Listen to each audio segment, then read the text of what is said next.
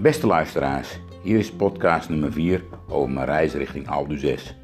In podcast 1 ging ik in op de aanleiding voor deze uitdaging en mijn ziekte. In podcast 2 ging ik in op het trainingsweekend op de tandem, waarbij ik letterlijk heb moeten leren het stuur uit handen te geven en te vertrouwen op mijn captain. Podcast 3 ging over het vormen van een team en de eerste acties. In deze vierde podcast gaat het over de eerste trainingen op onze nieuwe tandem. Op donderdag 14 november hebben we de nieuwe tandem opgehaald bij Sector 2 Bikes in Elst. Een mooi uitje en weer een heel avontuur om met een tandem op het dak weer richting Friesland te gaan. Ja, het is mogelijk om een tandem op het dak te vervoeren. Dat moet ook, want voor achter op de auto is hij te breed. En voor op het dak is een mooi systeem bedacht. En zo staat de tandem nu in onze garage geparkeerd. Op 15 november, mijn verjaardag. Een dag die ik vorig jaar nog in het ziekenhuis doorbracht. Maar nu thuis met familie en vrienden. Het was een prachtige dag. En vol trots heb ik natuurlijk de visite meegenomen naar de garage en heb hen de nieuwe aanwinst laten zien. Vol trots vertelde ik over mijn plannen en over de reis die we gaan maken richting Alpe. Op dinsdagmiddag 19 november was de eerste training op onze nieuwe Albert Heijn blauwe tandem. Gert kwam bij me en ik had via de app route.nl een route uitgezet via knooppunten.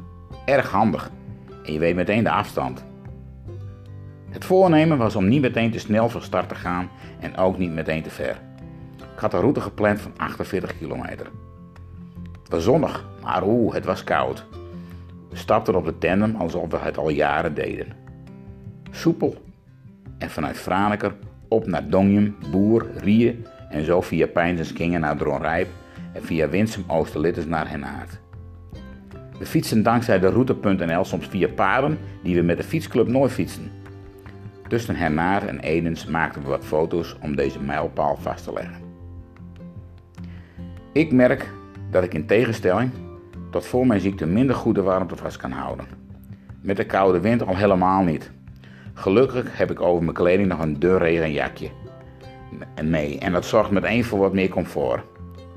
Het is sowieso goed om bij fietsen in koud weer meerdere laagjes kleding aan te doen. Een windstopper zal helpen. Nou, hoe mooi is het dat we als team binnenkort een eigen windstopper hebben met allemaal sponsoren erop voor Alpe d'Huez. Echt top. We fietsen door via Edens naar Cubaard en zo via de Slachterdijk richting Hitsem. Om zo via het Hitsemer binnenpad richting Franeker te fietsen. Bewust om onze klimbenen te testen. De bruggen die we hier tegenkomen, Hitsemer Hichten en even verder via de Frisia-brug over het Van Haringsma-kanaal. We moeten creatief zijn om in deze vlakke regio uh, klimkilometers te kunnen maken. Bruggen, viaducten, taluten en de Zeedijk is wat we bewust opnemen in onze toekomstige routes. Desnoods pakken we een viaduct wat vaker en met een groter verzet om weerstaal te hebben. Op donderdag 21 december was onze tweede training. Ik voelde aan dat de benen. Het voelde aan de benen dat ik al wat meer power had dan op dinsdag. We deden een rondje via de Slachterdijk naar de Zeedijk en zo via de Zeedijk naar Harlingen. En door wat men noemt de Lietse bouwhoeken naar Pinjum, Witmassum, Lollum en Schumwin naar Franeker. Een mooi rondje van 43 kilometer. Het was minder koud, maar oeh, er was meer wind. Het viel Gert op dat we nu al bij de tweede training een zwaardere versnelling konden fietsen. Zeker progressie, al heel snel. Ik voelde hem goed en ik had geen last van pijn. Heel mooi. Op dinsdag 26 november krijg ik een grote teleurstelling te verwerken. De weken voor heb ik bloed geprikt en op 26 november werd ik gebeld door de uroloog. Geen goed nieuws. De PSA is behoorlijk gestegen. Dit betekent dat de kanker weer actief is.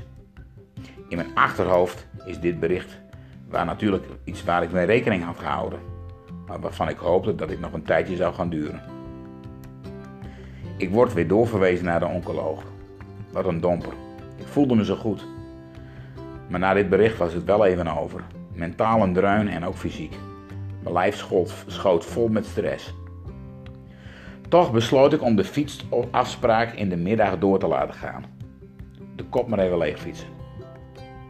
Via route.nl een route uitgezet, via mooie paardjes en via voor ons ook onbekende paardjes langs prachtige plekjes. via Dongium en Berlicum langs het Schelpenpad, langs het water naar Menalem en via paardjes naar Beetgewe Molen, Engelem en Marsum. Het fietsen ging goed. Genieten van nieuwe onbekende paarden. Via Ritsemeziel fietsen we langs het water via het Van Harismekanaal naar Dronrijp, Dronrijp en zo weer naar huis. Die rit is ook een mijlpaal. Het doet mij weer beseffen hoe kwetsbaar ik ben. Het ging toch zo goed en nu dit bericht. Net zoals wij samen op de tandem nieuwe paden ontdekken hier in de omgeving, kom ik ook op nieuw en voor mij onbekende paden. Wat gaat er straks gebeuren? Welke behandelingspaden komen er? Wat is het advies? Welk pad ga ik dan kiezen? Let wel. Wat het ook wordt, ik ga ervoor. Opgeven is geen optie. Maar de onzekerheid is killing. Het fietsen doet mij ook beseffen dat Aldu 6 op 4 juni een doel is. Maar dat ik vooral moet genieten van het hier en nu en de reis er naartoe. Genieten van de dagelijkse dingen. Mijn gezin, familie, vrienden, het fietsen, muziek maken en ook mijn werk. Hoe zich dit gaat ontwikkelen en wat die activiteiten nog zijn, zal aan bod komen in mijn volgende podcast. Voor nu bedankt voor het luisteren.